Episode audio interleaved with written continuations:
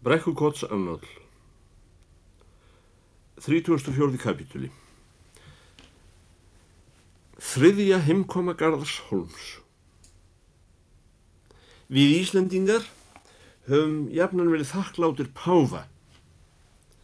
Síðan hann skrifaði Jóni Ara sinni hugreistingarbref skömmu áður en útsendarar Kristjáns nokkurs þriðja Þísks óbótamanns í Danmörku. Leittu þennan höfuð klerk okkar út.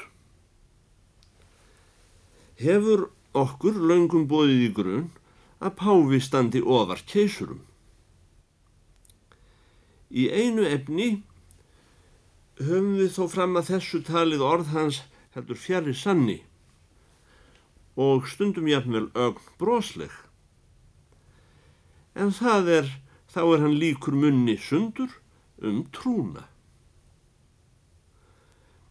Nú er þar komið að við tókum hans helgittóm gildan um tíðindi sem voru að því leiti trúarkins að við höfðum verið hverki nær er þau gerðust. Svo sem við vorum og fjarrri á þeirri tíð er heimurinn varð frelsaður höfðum við nú ratað í það öfumæli að trúa kenningu sem verið hefur með einna mestum ólíkindum flestra sem páfanum hafi verið eignaðar með réttu eða röngu. Ég held ég megi fullir það að á þessu sumri eftir söngskemtunina í Péturskirkjunni hafi fræðarsól Garðars Holms reysið herra en nokkru sinni á Íslandi. Síst að furða þó stúdendin í brekkukoti ætti bátt að trúa því um sjálfan sig að hann hefði farið í stífjala kaup við þennan mann upp á fjóslofti hjá henni Kristínu í Hringjarabænum í fyrra.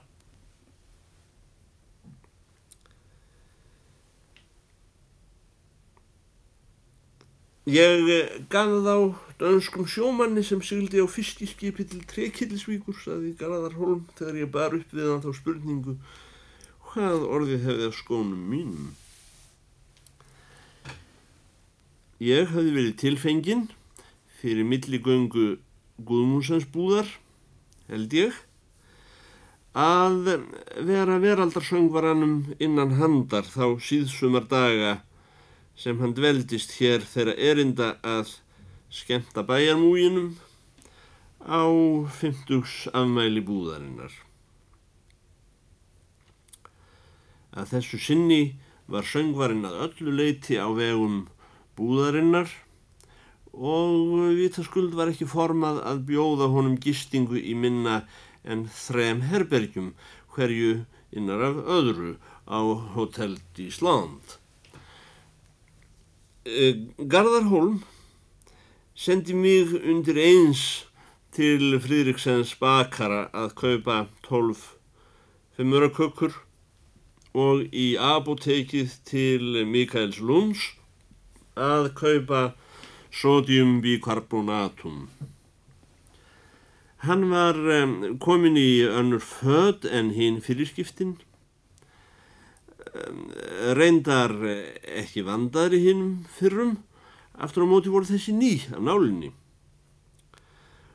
Og eh, söngmaðurinn var ekki eins líkamlega þjakaður og mér hafði virst hann seinast utan heiminljósið sem mér var minnistæðast af eskumynd hans. Það hafði formirkvast að mestu Brós heimsfræðarinnar var komið í staðinn. Það veik ekki af andliti hans þegar hann rætti við menn en varð því mýður fljótlega að þreytulegri grettu þegar hann var orðin einsamall. Oft reið mestu í svip hans nokkur svo döl sem gerði hann flestum mönnum líkt tilkvæmilegan, ekki ósvipað og verður í svip kleppsmanna á þessari öld en mun hafa verið fast einkenni á andlitum meiri háttar sénía og heimsfrægra manna á öldinni sem leið. Engum og sérilegi þó skálsins bótur lers ef dæma skal eftir steimprentaðri mynd framan við Le Fleur du Mal. Hann marg gekk að speiklinum og setti upp hvern svipin öðrum ólíkindarlegri meðan að vara að snurfusa sig. Bera briljantín í hársitt og núa glussiríni í hendur sér. Hann tók fram frakkansinn og þraut skoðaði hann innan og utan og týndi gömgæfilega úr honum skrattaralúsina. Hann let mig hlaða með sér nýðþungum ferðarkistum sínum á ymsa vegu en þegar hann hefði látið hverja um sig vera einu sinni efsta og einu sinni neðsta í staknum þá myndi hann allt inn eftir því að til var þjónustu fólk í húsinu og tók nú að ringja bjöllum. Hann skipaði fólki að fara og ná í hníf svo hann geti unnið að rjómakökunum en loks þegar komin var hnífur þá dottunum í hugað forkur myndi heppilegra áhald og þegar forkur var komin þá sendi hann fólk á stað eftir skeið. Loks stýfiði hann kökurnar úr nefa og sendi síðan eftir fólki að útvega pentudúk en þurkaði sér um hendurnar á vasaklúknum sínum þegar pentudúkunum var komin.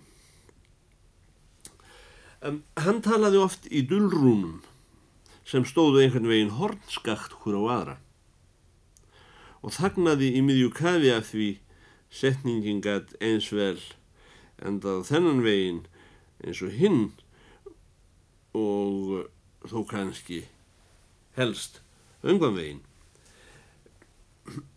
Ósjaldan var eins og hann væri að hugsa um eitthvað allt annað en það sem hann var að tala um og það var ekki allt í hann hann heyrði hvað sagt var við hann. Það minnst að kosti ekki samhengi. En hann gætt haft til að taka viðbrað eins og sofandi maður rekkur upp með andfælum við hvendagslega aðtugasemt sem goppaðist upp úr viðræðanda hans. Rísa úr sæti með glampa í augum eins og þessi lítilfjörlega aðtugasemt hefði lokið upp fyrir honum einhverjum sannleik. Í næstu andrá var hann komin út á þekju aftur. Var hann spurður einhvers sem máli skipti, svaraði hann æfinlega út í hött. Var hann að draga dárað mönnum? Þó var tæflega hægt að hugsa sér vonlausara verk en spyrja út í engamál hans. Eins og til dæmis hvernig honum hefði litist á páðan. Ég tók nú eftir sérkjannum í fari hans sem mér voru eftirvill af þeim sökum áður ókunn að ég hafi aldrei verið samvistum við hann stundar langt. Eitt var það að þegar minnst varði var hann komin með blíjant og blad upp úr vasa sínum. Oftast ómerkilegar, lausar brefsnuddur og farin að pára á þær margsifraðar tölur og reikna úr þeim eftir einhverju kerfi sem ég grindi ekki í. Enda þótti mér ekki við eiga að spyrja hann ég heldur, gera á mikið að því að lesa úr penna hjá hann. Þegar hann hefði sökt sér ofan í þessa reikningslist um stund og sett mjög í brúninnar, stundum með hungum andvörpum, þá rankaði við sér aftur. Leið álitið ókunnulegi kringum sig og brosti síðan við þeim sem voru nærstattir, ef nokkur var. Hálf partin eins og hann bæði velvirðingar að hafa verið að þessu grubli og þó dálítið augrandi á svipin eins og hann vildi segja ég veit niðurstöðuna en ég segja hann ekki neinum voru þetta eftirvill tómar fjárupphæðir sem hann gætt haldið áfram að rekna sér svona að því er vistist enda löst. Eitt var vist. Hann hafði í vörsum sínum óþrótandi gnæðir bankusæðla. Vöðlaða saman, kæringa löst. Og það kom ekki fyrir að hann beigði sig til að taka upp peninga sem hann misti óvart á gólfið. Jafnvel þó næmi söðarverði. Þegar hann sendi mig út að kaupa rjómakökur, rétti hann mér nefafylli sína af bankustöðlum. Ég sagði, þetta eru ofmiklir peningar, króna dýr. Eða ég sló upp á gamni og spurði, er kannski einhver sérstakur staður þangar sem hægt er að ganga og týna sér eins mikla peninga og maður vill. Eitt kvöld. Uppgöð var þú þér til mikillar undrunar. Að þú hefur ekki eitt öllum öðrunum þín dag, saði hann. Í fyrramáli vaknar þú snemma og farð út að kaupa þér hatt og þegar þú ert komin með hattin verður þú varfið að það hafa bæst við peningar í vasaðinum. Þú býður til kunningjaðinn, kannski tveimur eða fremur, að fara með þér til gildaskála og, og þið raðið í ykkur þeim kræsingum, víns og matar sem það er að fá. Þegar þú gengur út aftur og ekki við lit að torga meiru, þá finnur þú að enn hefur hlaupið á snærið fyrir þér með þess áttið inni. Það kemur á þig fát og þú fer til og kaupir þér hús og garð til að reyna að losna við þessi óþrif. En ekki hefur þau fyrr greitt fasta stæðuna út í hönd en þú tekur eftir því að penningar þínir hafa markfaldast við kaupin. Nú verður þú greipin þess konar æði sem hann björn í brekkukoti myndi aldrei skilja og því síður hún ammaðinn. Þú leggur á stað, ringin í kringum jörðina, auðsandi fyrir á báðar hendur í aðra æðiskengna hlaupara, hvað sem þú kemur fram, og þorir ekki einu sinni að opna sendibrifin þín, því þú veist að efni þeirra allra er eitt og þið sama. Innstæður þínar, ég veit ekki hvað mörgum böngum, um allan heim, halda áfram að aukast með sívaksandi hraða. Hvað hefur komið fyrir, saði ég. Ekki neitt, saði hann.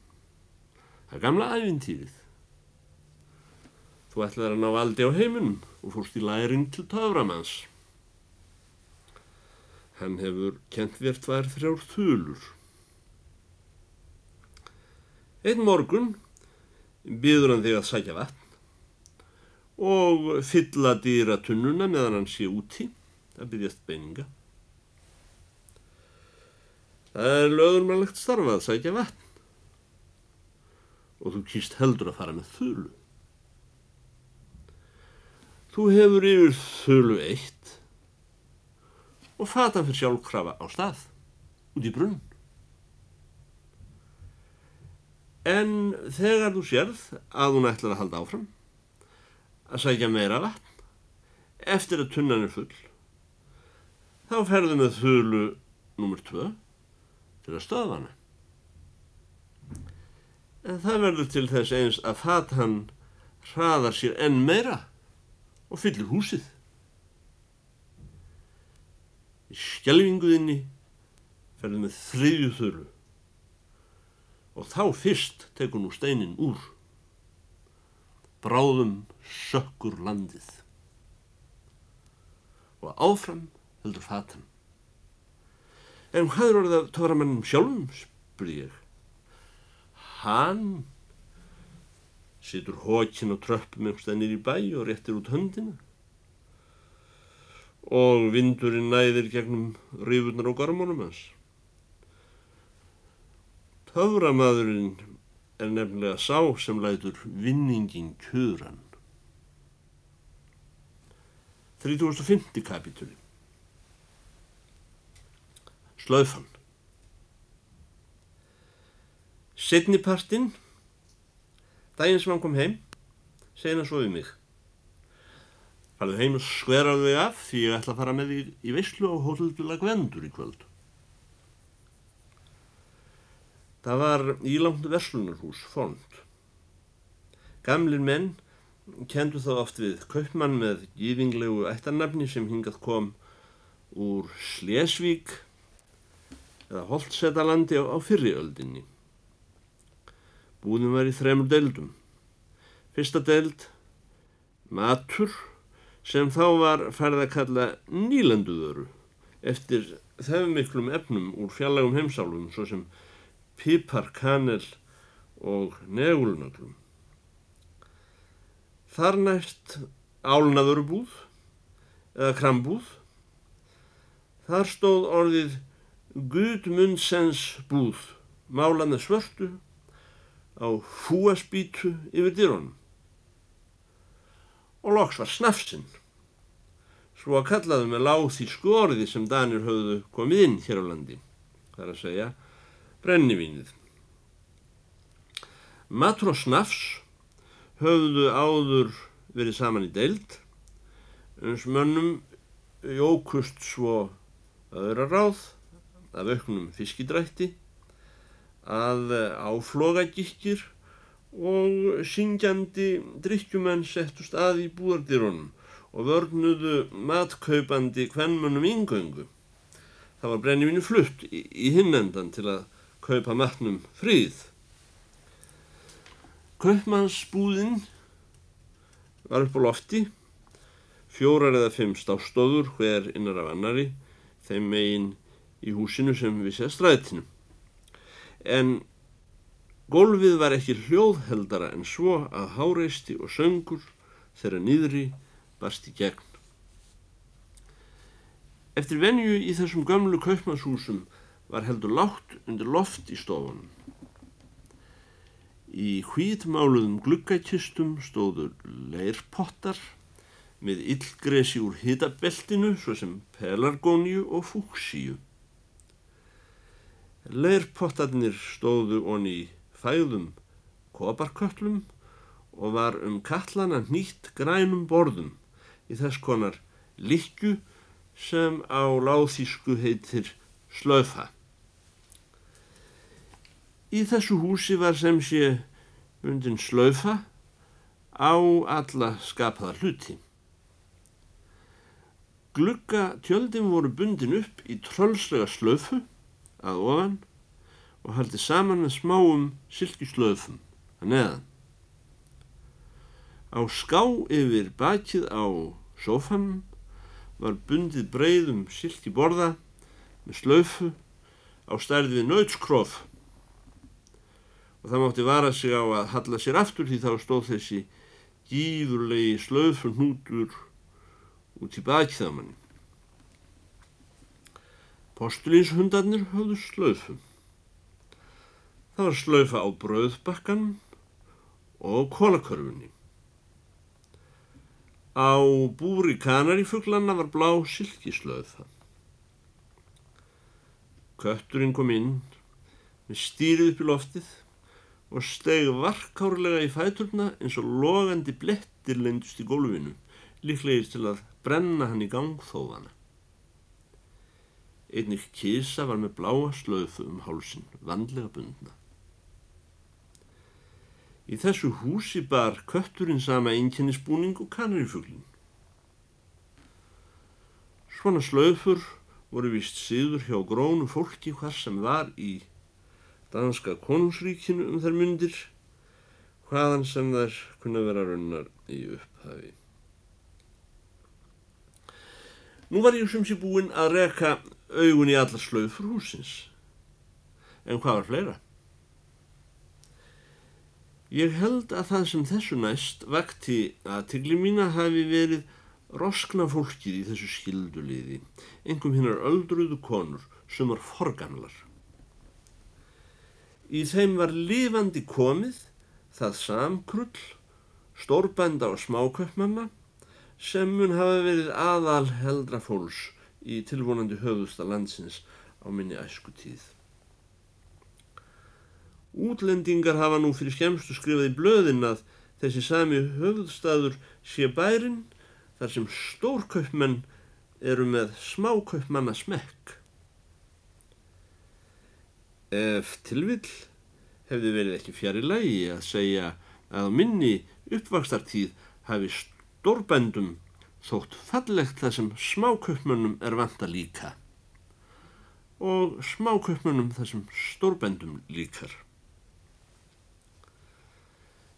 Það var eitt fyrir sig merkilegt að þessar ramm íslensku konur uppáferðar í peysufött hafðu ákvæmlega dönsku skotið tungutak og mér heyrðust sumar blátt áfram ræðast við á þessari láþísku kaupmannamálísku sem er ólíkar í íslensku en aðrar tungur sem við þekkjum.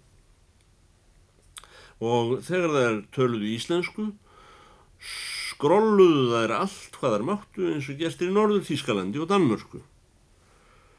Skrolluðu af tilfinningu og mér likur við að segja nöytn. Ef tilvilligur eðlismunur á íslenskri menningu nú og þá ekki hvað síst í því að venjist und nútíma fólk á kokk R af slisni leitar að læknis til að fá errið flutt fram á tungubrótin. Hins vegar var ekkert í fari þessara rosknu hefðarkvenda sem bæri vottum danska mildi léttleik eða gamansemi. Frúr þessar og bændur þeirra, bókarar, embættismenn eða aðrir yfirkontoristar, menn sem eru með öllu máðir úr minni mínu.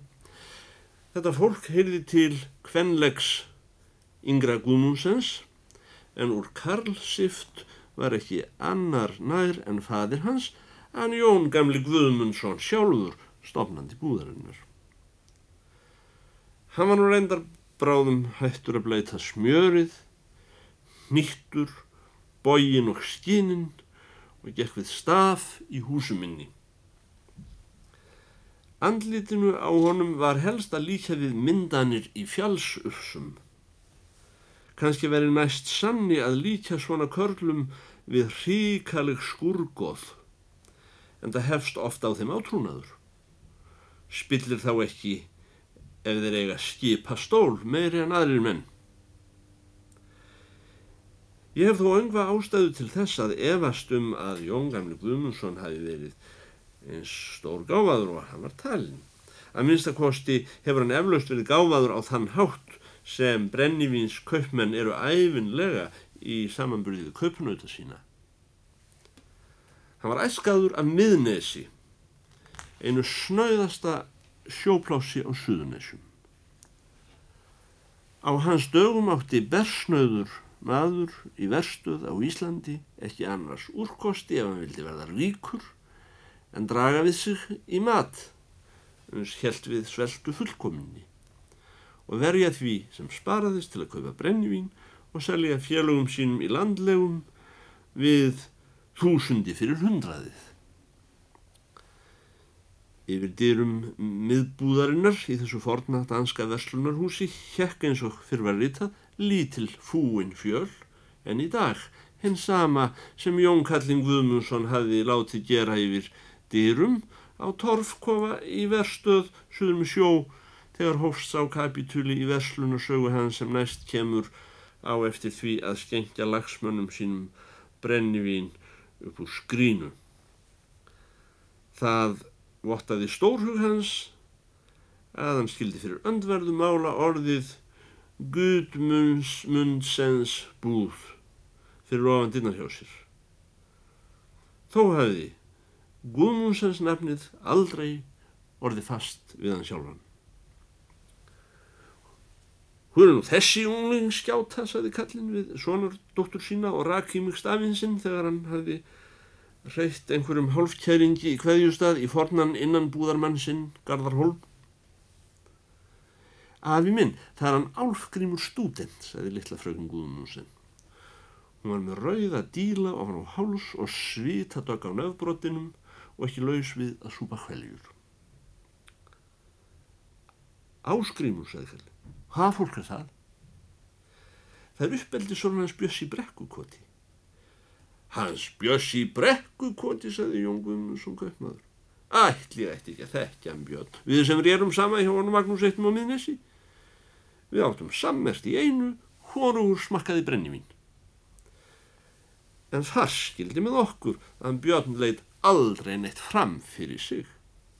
En það var hann einlegt lifaði fátækt eins og mest verður hér á Suðunisjum. Mér er sagt að yfir þröskuld í þvíkoti hafi aldrei stíð herri menn en sveitarómagar, flakkarar og amrikufarar. En hann var alltaf passa maður, kallinn. Og fáir standunum framar í að verka signa grásleppu hér við flóan. Ég myndi órsættur taka við dreng frá honum til að vera innanbúðar hér niðri.